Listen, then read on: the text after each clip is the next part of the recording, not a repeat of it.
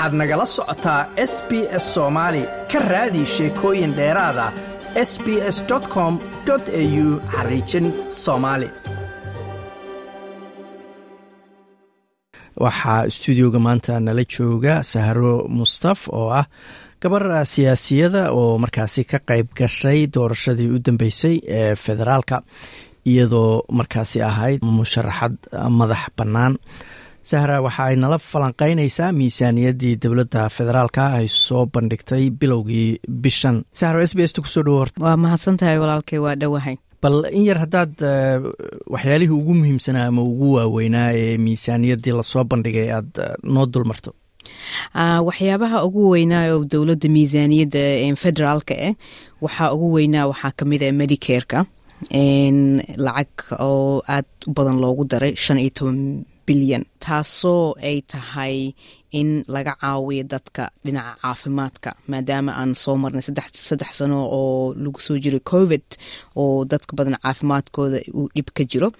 Taasna waxay keenaysaa in balka bilin waxa la dhaho in la soo celiya marka balka bilin waxaa la dhaho waxaa waaye marka inta dhakhtarkaaga u tagtid aad balan la samaysatay aanan lacag bixinin oo dhakhtarka uu lacagta ka qaadad medicareka uu lacagta ka soo qaata ayaa la dhahaa balka bilin maadaama sanadyadii la soo dhaafay ay yaraadeen dhakhaatiirta balka bilin samaysa ay yaraadeen dowladda waxyaabaha ugu waaweyn ay rabtay inay caawiso dadka ayay ka mid ahayd. Marka lacag badan ayaa meeshaas la geliyay midda kaleento oo ayadana ay ugu weyn waxaa ka mid ah dadka shaqa raadiska ah waxaa la dhaho job seaker in loogu daro labada isbuuc afartan doolar ama maalinkii wax saddex doolar ka yar.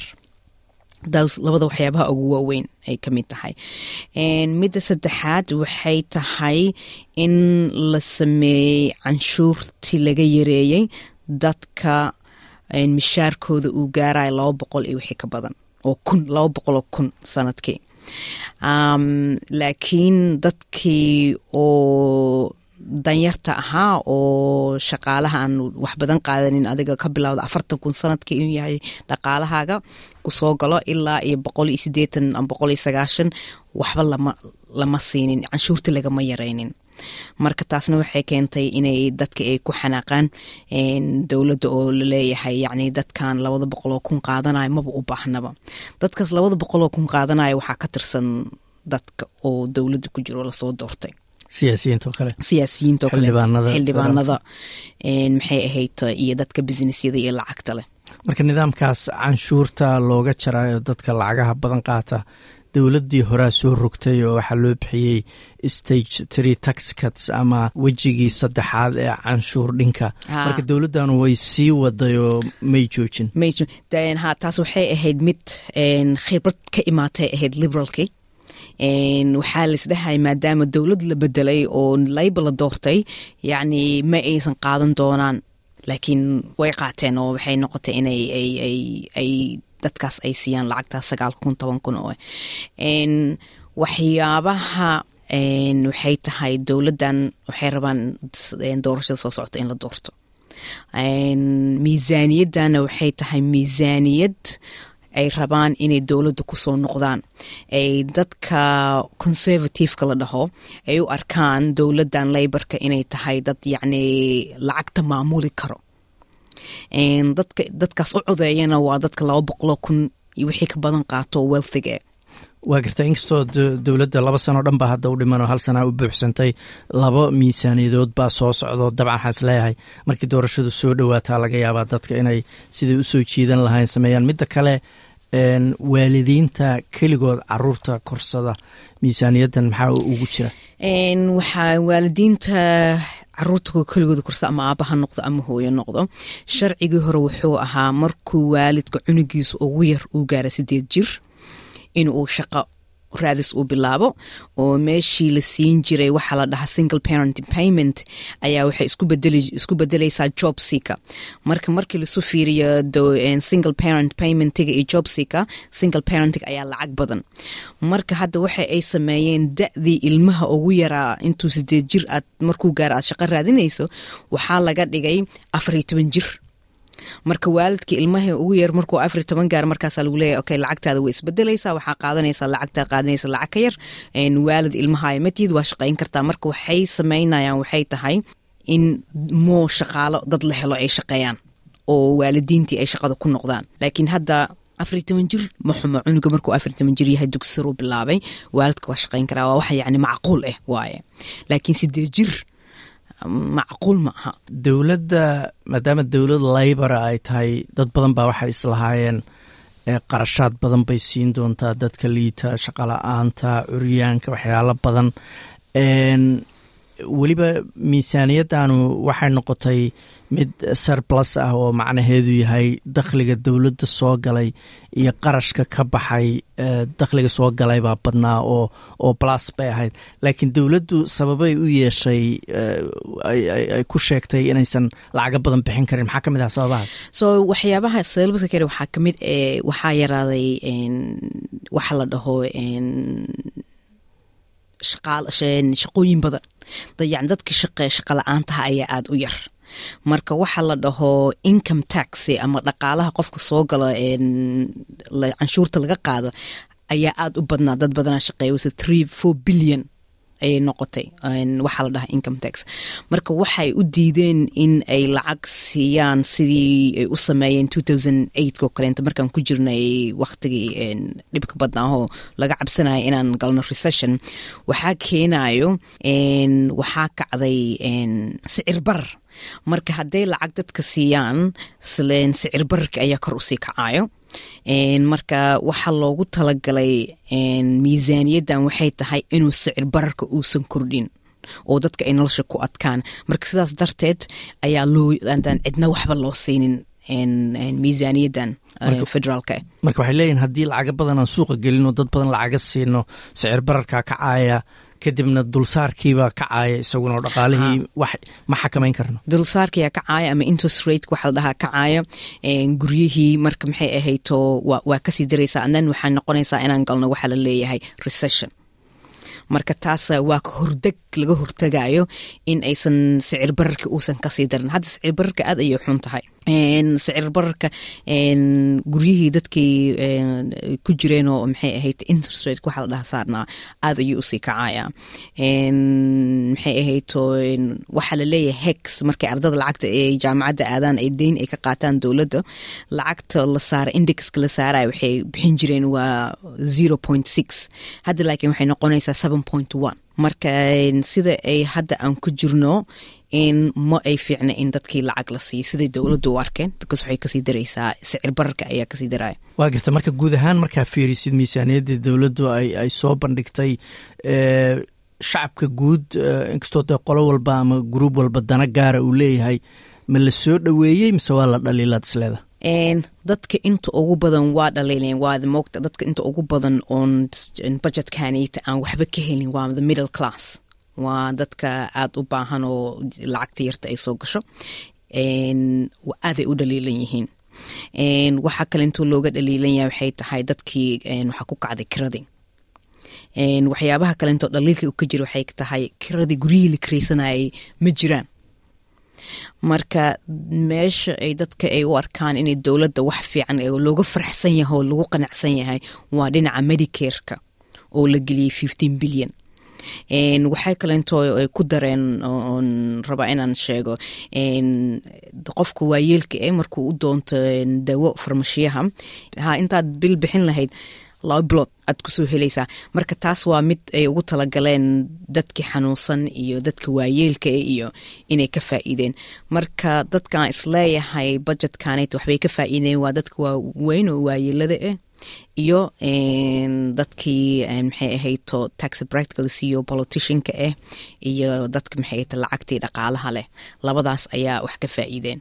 Waa garta daawooyinkaasoo kale marka waa dadka qaba xanuunada aan bixi karinoo matalan sokortoo kale ama diabetiskoo kale daawadii ay bil ku gadan jireen isla lacagtii oo kale waxaa la siinaya daawo laba bilood. Laba bilood ha. Dhiikar ha noqoto ama sokor ha noqoto ama wadna xanuun ha noqdo yacni waxyaabaha ku saabsan caloosha ama la dhaho immunity.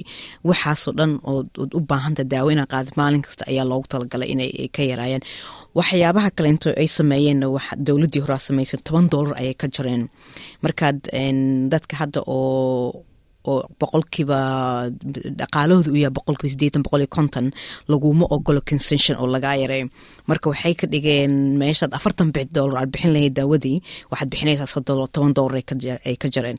Marka dhinacaasita way ku fiican yihiinoo waxay sameeyeen arrin fiican because wax walba kore u kacayaan dawadana kore u kacaysaa mogtahay dawadii soo raqiisiyeen.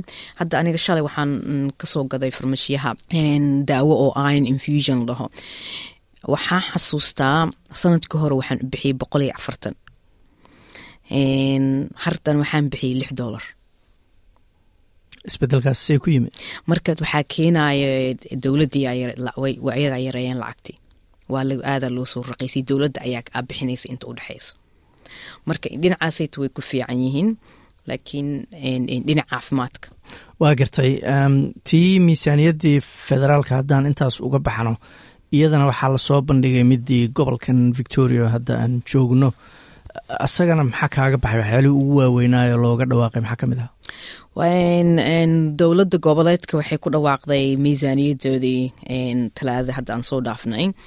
Waxyaabaha ugu weynaa waxaa ka mid ahaa dadka businesska yarka leh oo small business la dhaho. Ganacsatada yaryar la dhaho.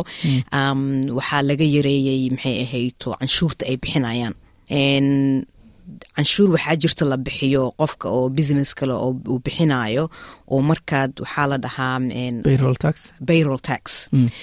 waa laga yareeyey. Dadka lacagta badan laga qaadayo oo waxaa u aragtaa dowladdii federaalka ahayd iyo tii gobolka ahayd inay iska soo horjeedaan dadka ay lacagta canshuurta ay ku dheereeyeen waa dadka develoberka ahoo dhulalka badan leh oo guryaha badan dhisaayo oo maxay xoolaha leh oo dhaqaalaha leh ayaa bixinaya lacagta inta ugu badan canshuurta. Midda gobolka. dowladda goboleed dhinaca waxbarashada iyo caafimaadka waxay ku dareen dhaqaalo fiican ay geliyeen ilmaha markay dhalaan hooyada umulisada ay arkayaan markuu ilmaha dhasho inay ilmahaasita la daba socdo waa la dheereeyey marka maxay ahayto waxa kalento oo ugu weyn oo khasaare ahaan ku imaan doona waxay tahay gobolka. Afar kun oo shaqaalo ahoo dowladda dowladda ayaa shaqa la'aan ayaa la jarayaa say ay lacagta u yareeyaan. Gobolkeenna waxyaabaha ugu waaweyn oo dhibka haysto waxaan galnay lockdaano badan ayaan galnay.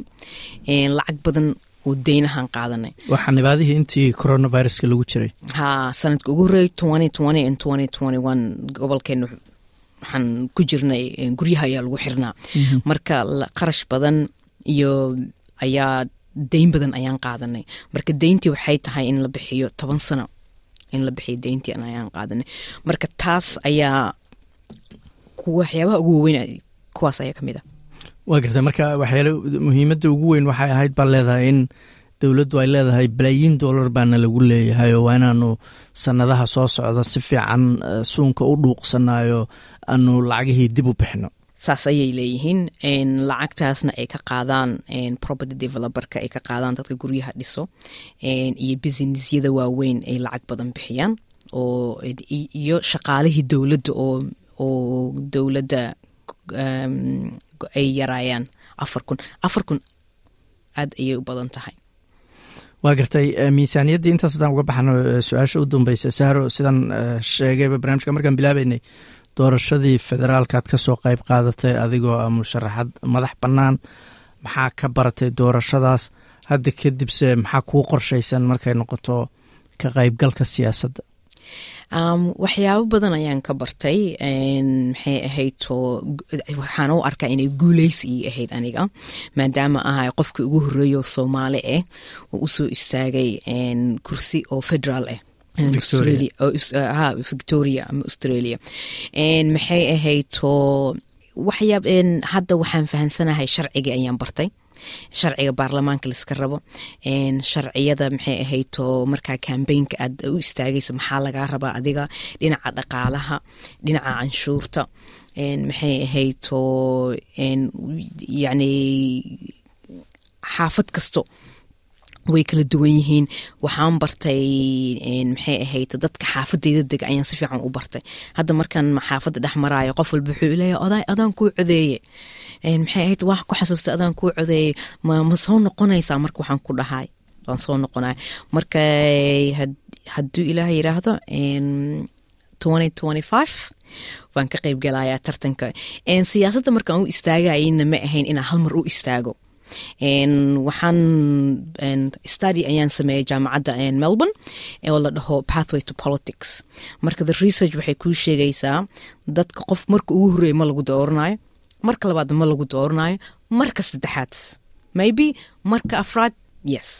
Marka dadkana waxaa waaye bini aadanka ee qof cusub markay arkaan ma ay hubo mogta waxay rabaan iska kaa hubiyaan. Dadaa ku codaynaya because waxay aaminsan yihiin waxa u taagantahay ay aaminsan yihiin.